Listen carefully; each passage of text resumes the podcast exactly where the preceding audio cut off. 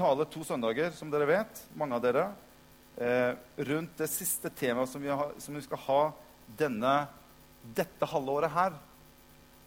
Eh, vi har hatt en del serier som vi har kalt for ABC, med forskjellige typer temaer hver gang. Og dette er siste tema vi skal ha dette halvåret. Og jeg har kalt det for tankens ABC. Eh, og tittelen som jeg på en måte har gitt det som jeg skal dele litt med i formiddag, jeg kalt for en, en, ny normal. En ny normal. Jeg vet ikke om dere husker eller om dere var der første søndagen som jeg eh, talte i vår Nei, i, over nyttår.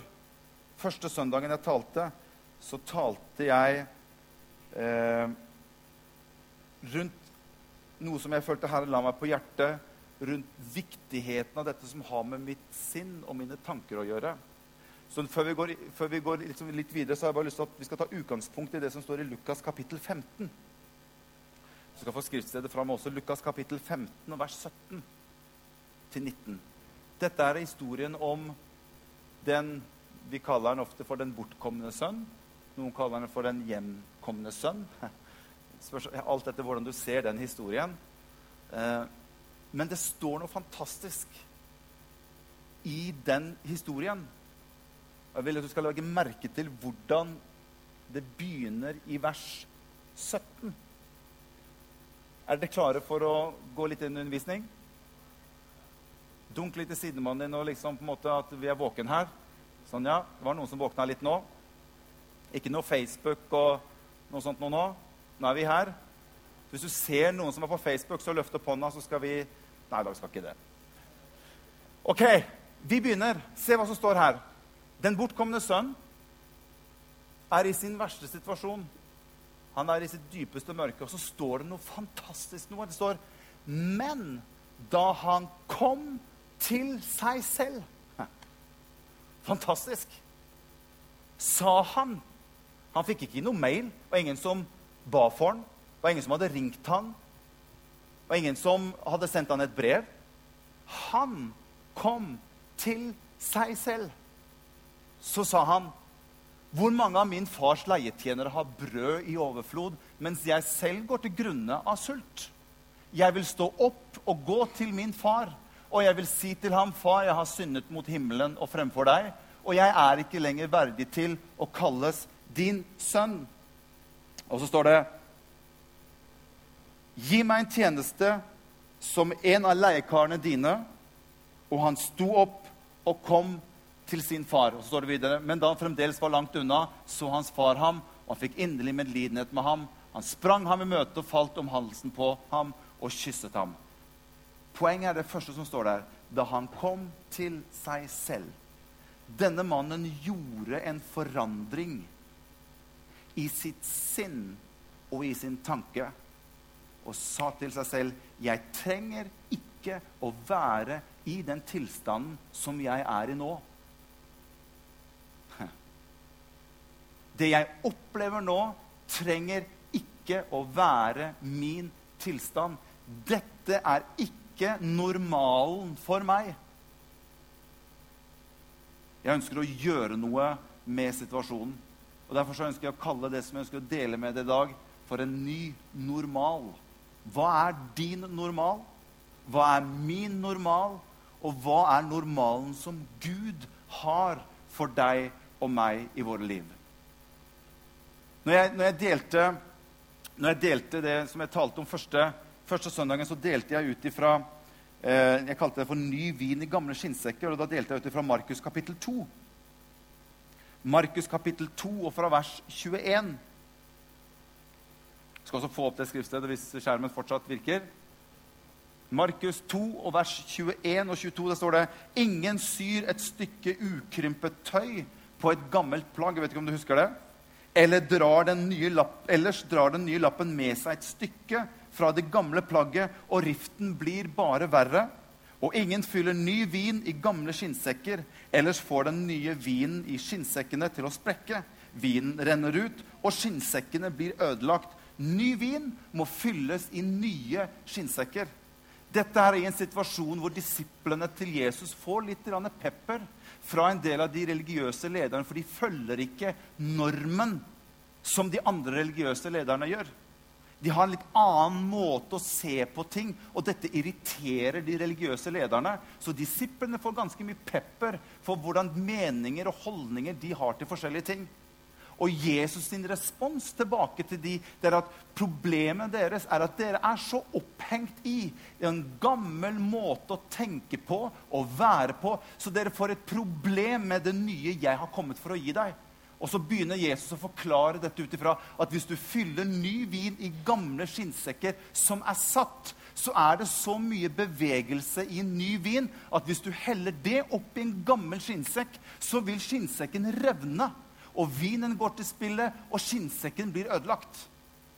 Så Jesus begynner allerede her og snakker om at hvis dere ønsker å ta imot det som jeg har for deg, så er du nødt til å begynne å tenke nytt. Du er nødt til å begynne å få en annen mentalitet i ditt sinn og i dine tanker. For hvis ikke så vil du ikke være i stand til å ta imot og håndtere det som jeg har for deg. Og det er det Jesus tar tak i her i Markus kapittel 1 i, i Markus kapittel 2. Og jeg syns det er veldig veldig spennende. For du skjønner, Jeg har skrevet at mitt sinn og min mentalitet er avgjørende i min vandring med Jesus. Mitt sinn og min mentalitet er avgjørende i min vandring med Jesus. For veldig mange av oss, inklusive meg selv, vi har tanker og sinn og vår forstand og vår sjel som henger igjen i veldig mange forskjellige ting. Ifra vår bakgrunn, ifra vår oppvekst, ifra hva, hva vi har lært opp til, hva jeg har sett min far og min mor har gjort, hva jeg har lest meg til. Og dette summa summarum bygger opp en slags form for virkelighetsoppfattelse. Og det bygger vår erfaring for hvordan vi tenker rundt ting i livet vårt. Og det er disse tingene her som jeg tror er utrolig viktig for deg og meg å ha et, et, si, et sunt forhold til hvis du og jeg ønsker å få tak på det som Gud har for ditt og mitt liv. Og det er utrolig å se hvor mye Bibelen underviser om dette som har med menneskets sinn å gjøre, og menneskets tanker å gjøre. Det er ekstremt mye i Bibelen som snakker om disse tingene her. Jeg jobbet tidligere eh, sammen med en, en eh, ganske kjent coacher i Norge. En dame. En av de eldste kvinnelige coacher i, i, i Norge. Velkjent person som innenfor, innenfor coachingmiljøer. Og vi satt og snakket sammen om dette med coaching. Og jeg, jeg, jeg er ingen motstander av coaching. Eh, jeg, når vi satt og snakket sammen, så sa jeg at veldig mye av det som dere har i coachingsammenheng, er jo egentlig rett ut ifra Guds ord.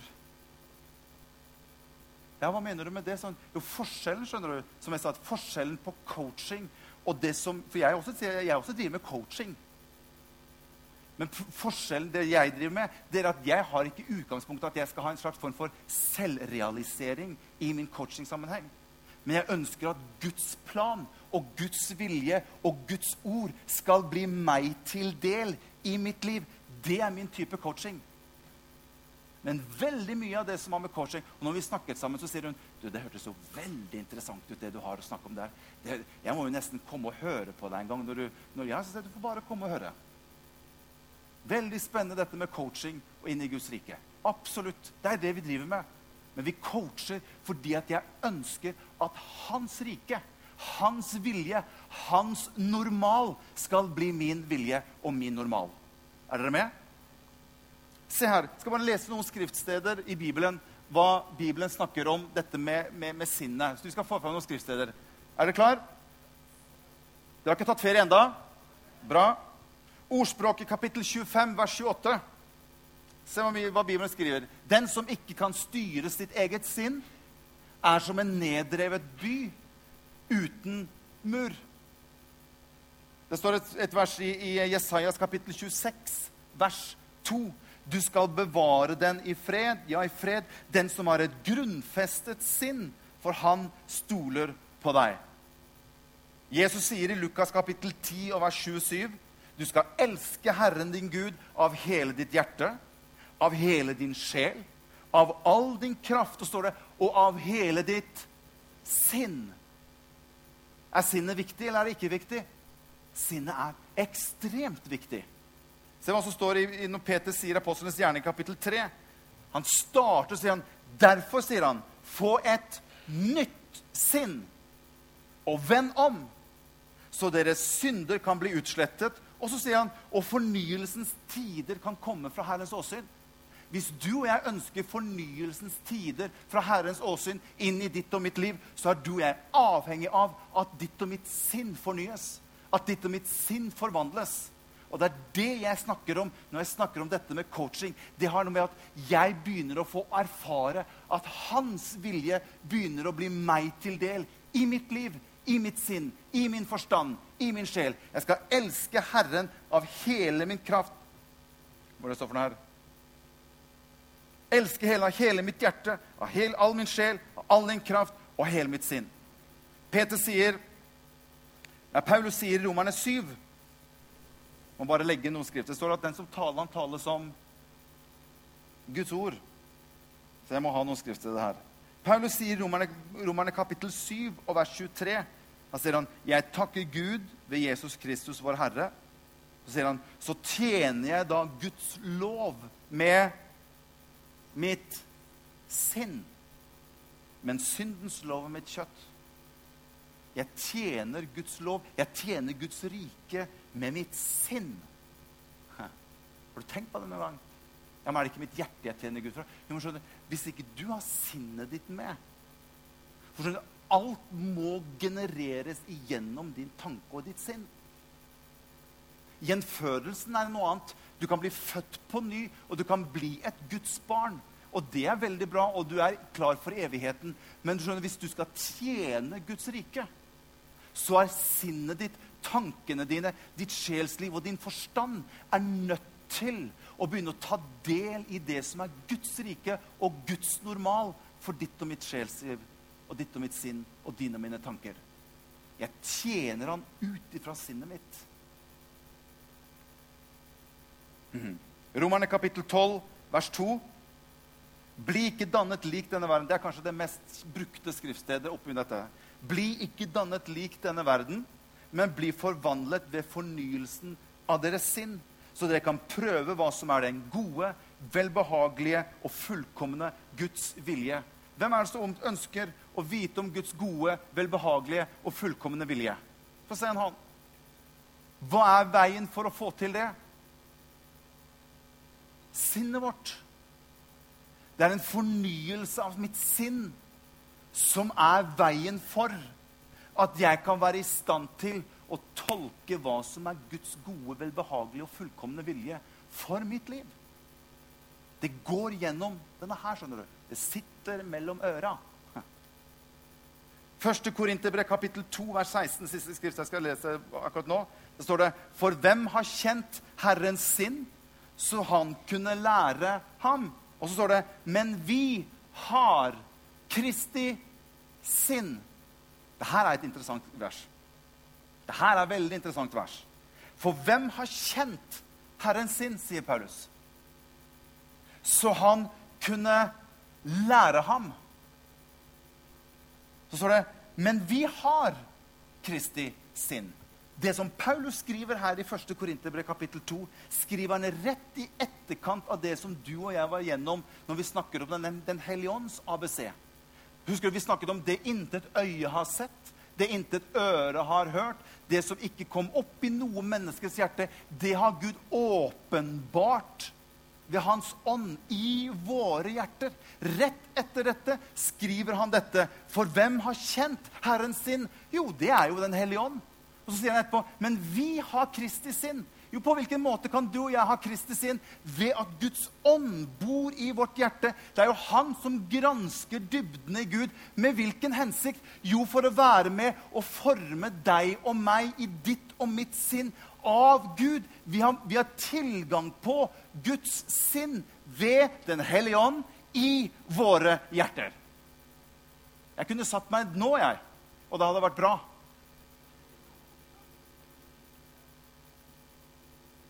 Er du med? Vi har tilgang på Kristi sinn gjennom Den hellige ånd, som bor i hjertet vårt. Jeg syns jeg er veldig bra. Nå begynner jeg å bli våken. Oi, oi, oi.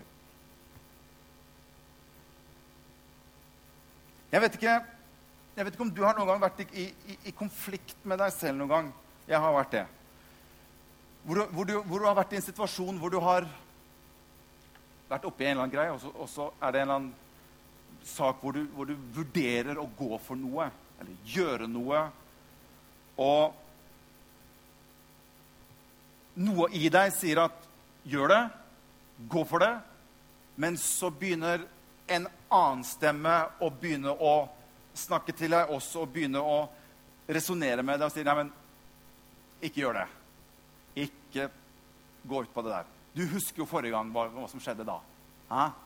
Det gikk ikke så bra.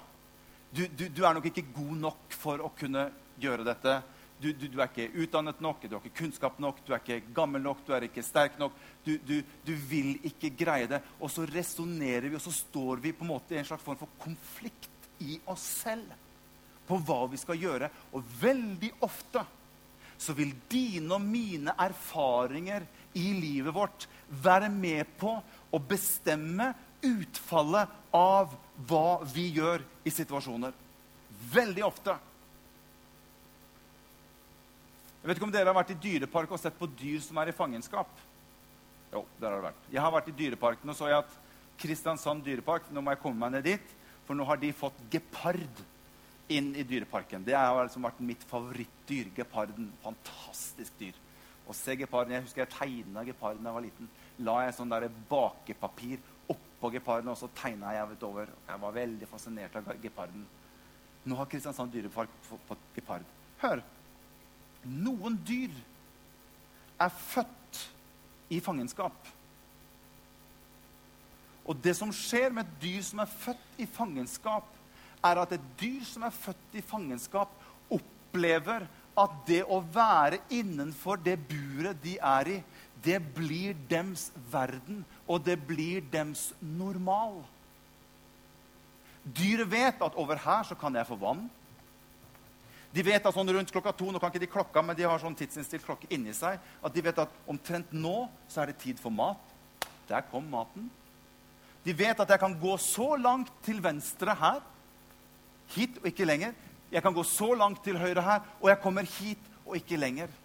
Og dyrets opplevelse av sin verden er det buret og det fangenskap de er i. Og den verden de lever i i fangenskap, blir dyrets normal. Hvis du setter et, et, dyr som er født i fangenskap, hvis du setter det fri, så vil det antageligvis ikke overleve. Enda det dyrets egentlige, det det egentlig er skapt for, er jo ikke å leve i fangenskap, men å leve i frihet. Men putter du det dyret ut i frihet, så vil det antageligvis ikke overleve. For den vet ikke hvordan den skal håndtere den nye verden som den har kommet opp i. Det, det, det fangenskapet har blitt dyrets normal. Hvis du skal føre det ut i frihet, så må de gå gjennom en prosess hvor de begynner å skifte ut en gammel normal med en ny normal. Og det må gå over tid. Hvis ikke så vil de ikke greie å ta imot den nye utfordringen. Og Jeg tenker at noe, jeg tar bare det som et eksempel, for jeg tenker at noe av den overgangsprosessen er noe av det du og jeg lever i som kristen. Ut ifra hva som er min normal, hva jeg oppfatter, hva jeg tenker på, er min verden og min normal, og hva Gud har for meg og for mitt liv over her. Og skjønne, De to tingene kan noen ganger være utfordrende for oss. Fordi at Gud kan noen ganger kalle deg, og han ønsker å kalle deg og meg inn i ting som for deg og meg kan virke skremmende. Og det kan virke, for Min erfaring sier at ja, men jeg kan ikke få til dette her. Jeg greier ikke å få til dette her. Det vil være umulig for meg å få dette til. Og vi kan godt nærme oss grensen av hva vi føler er normalt. Men med en gang jeg går ut over det jeg er vant med å ferdes i, så føler jeg at dette her er usikkert. Dette er ikke jeg vant med. Min erfaring sier at nå er jeg på utrygg grunn. Og vi som mennesker har lett for å trekke oss tilbake. For hva som skjer? Frykt kommer inn. Og den onde, det han ønsker, er å beholde deg og meg i det mønsteret som du og jeg har vært det i alle år, og si til deg at sånn er du, skjønner du. Sånn er du bare som person. Du vil aldri kunne få til noe mer. Du vil alltid bare kunne få lov til å være i dette som er din normal i dag. Ikke gjør så mye med den. Ikke tenk så mye på det. Når Gud ønsker å kalle deg og har noe mer for deg enn det som du opplever i dag Han ønsker å ta deg ut og inn i det som han har for livet ditt. Amen. Hva må skje? Det må til en ny normal. For du skjønner, Om en gepard lever i fangenskap, så kan til og med hva han opplever som normal, faktisk være unormalt. Hva er din normal? Hva er din erfaring? Hvordan tenker du rundt ting? Er din normal egentlig unormalt? Og vi vil alltid møte på oss selv. Hør, vi alle har områder i livet vårt som kan oppfattes som et bur, som et fangenskap. David sier at vi er født i fangenskap, sier David.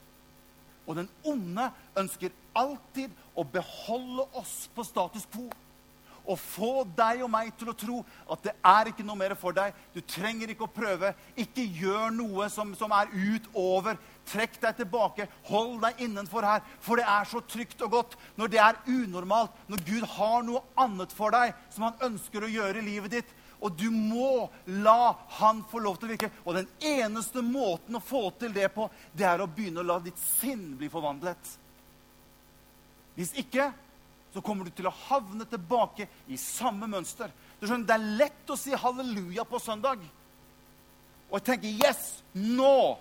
Nå skal jeg!' Og så kommer mandagen, og så kommer frykten, og så kommer det punktet hvor du er nødt til å gå ut over båtripa og tråkke på ukjent terreng. Nei, jeg gjør ikke det. Jeg trekker meg tilbake. Jeg lar bare min normal, som jeg alltid har hatt det, få lov til å være min normal. Jeg tror Gud ønsker å gjøre noe med vår normal. Og det er bare Den hellige ånd gjennom Hans ord som har mulighet til å gjøre det. Hva er din normal? Hva er din erfaring? Hvordan, hvordan, hvordan tolker du ting når du skal på en måte ta en beslutning, en avgjørelse på noe? Hva er det som former din beslutning? Har du tenkt på det noen gang? Jo, selvsagt er det min oppvekst. Selvsagt er det den kultur jeg står i eller har vært og levd i. Selvsagt er det det miljøet jeg har gått i. Jeg, det er det som er med på å forme dine og mine beslutninger. Men jeg som en gjenfødt person, jeg er nødt til å være såpass åpen med meg selv at jeg må kunne la Gud ved Den hellige ånd få lov til å prøve min normal var derfor David sa, 'Ransak mitt hjerte, Herre, og kjenn om jeg er på den rette vei.' Bibelen stiller til og med at en mann kan ferdes på en vei som synes rett for ham, men vet ikke at døden er i vente. Så din og min normal trenger ikke å være normalt. Det er derfor vi hele tiden trenger at vår normal skal synkes overens med hva han har å si til oss i sitt ord. Det er normalen min. Og det koster. Det kan være tøft, det kan være smertefullt, det kan være noen ganger fryktsomt. Men han sa, 'Jeg skal være med deg.' Jeg skal være med deg. Se ikke på hvor gammel du er. Se ikke på hvor ung du er. Se ikke på dine kvalifikasjoner. Se ikke på hvem du er i første gang, men se på hvem jeg er. Og Derfor så Peter sa, 'Herre, si til meg at jeg skal gå til deg på vannet.' Da kan jeg gjøre det. Men ikke ellers. Det er helt unormalt, Gud, for meg å sette foten over båtrippen og begynne å gå på vann. Det er unormalt. For hvem? Jesus gikk jo rundt der og vandra på vannet. Han tenkte ikke noe på det om han gikk på vannet, eller om han gikk på vinden, eller om han gikk på bakken. Han spilte ingen rolle. Hvem er det som setter normalen? Det som var Peters problem og utfordring, og alle disiplenes store utfordring med alle de bølgene på sjøen, det gikk Jesus på. Han vandret på det, han. Hva er normalt? Det er derfor vi har Guds ord. Det er derfor du og jeg er nødt til å fylle oss med Guds ord. Det er derfor Guds ord er nødt til å få en slik plass hos deg og meg. Det står om å grunne på Hans ord dag og natt, slik at Hans ord kan få lov til å begynne å tale til deg og meg. Og begynne å snu en mentalitet i sinnet vårt og i tankene våre. Når du sier at det ikke går, så kan Jesus si det går. Når disiplene sa vi kommer til å gå under, så sa Jesus nei, vi skal over på den andre siden. Hva sier Jesus som ikke stemmer med din og min normal? Eller din og min erfaring? La hans normal få lov til å bli din og min normal. Og la oss få lov til å være med å bytte ut vår normal med hans normal. Helt til slutt. Halleluja. Får du noe ut av det? Jeg syns det er fantastisk å lese om Gideon. I Dommerne kapittel 6, vers 12. Se hva som står der. Gideon han var nedfor. Det sto ikke så bra til med, med, med, med israelsfolket. Så står det i vers 12.: Herrens engel viste seg for ham og sa til ham.: Herren er med deg, Gideon, du mektige kriger. Tror du det var det Gideon satt og følte seg sånn? Han satt og tenkte på sin egen erfaring. Dette går dårlig. Dette kommer ikke til å funke. Jeg kommer ikke til å få til noe mer. Dette blir som det blir. Så kommer det bare en engel til han, og så begynner han å levere en ny normal til Gideon. Du mektige kriger. Og Gideon snur seg. Er det noen andre her? Hvem er det du prater Meg? Jeg, mektig kriger? Nei, nei, nei. nei. Å nei, ikke jeg. Se hva som står videre i vers 15. Da sa han til ham Det var Gideon som sier til ham, 'Min herre, hvordan skal jeg frelse Israel?' Se hva som sitter i sinnet på Gideon. Sannelig, min ett er den svakeste i Manesse, og jeg er den ringeste i min fars hus. Det var den normalen Gideon satt med for seg selv. Og hør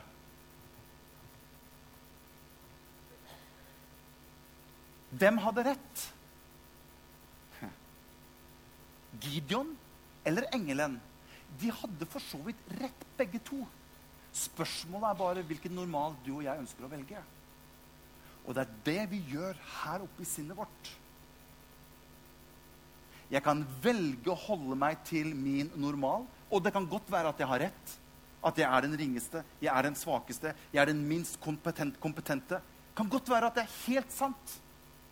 Det er bare det at det fins en annen normal som også er sann, og som er fantastisk sterk. Du mektige kriger. Hvis du vil gå med min normal, så skal jeg være med deg. Og vet du hva? Gideon han slo hele filisterens hær med 300 mann. Han tok en hel nasjon med 300 mann. Helt unormalt.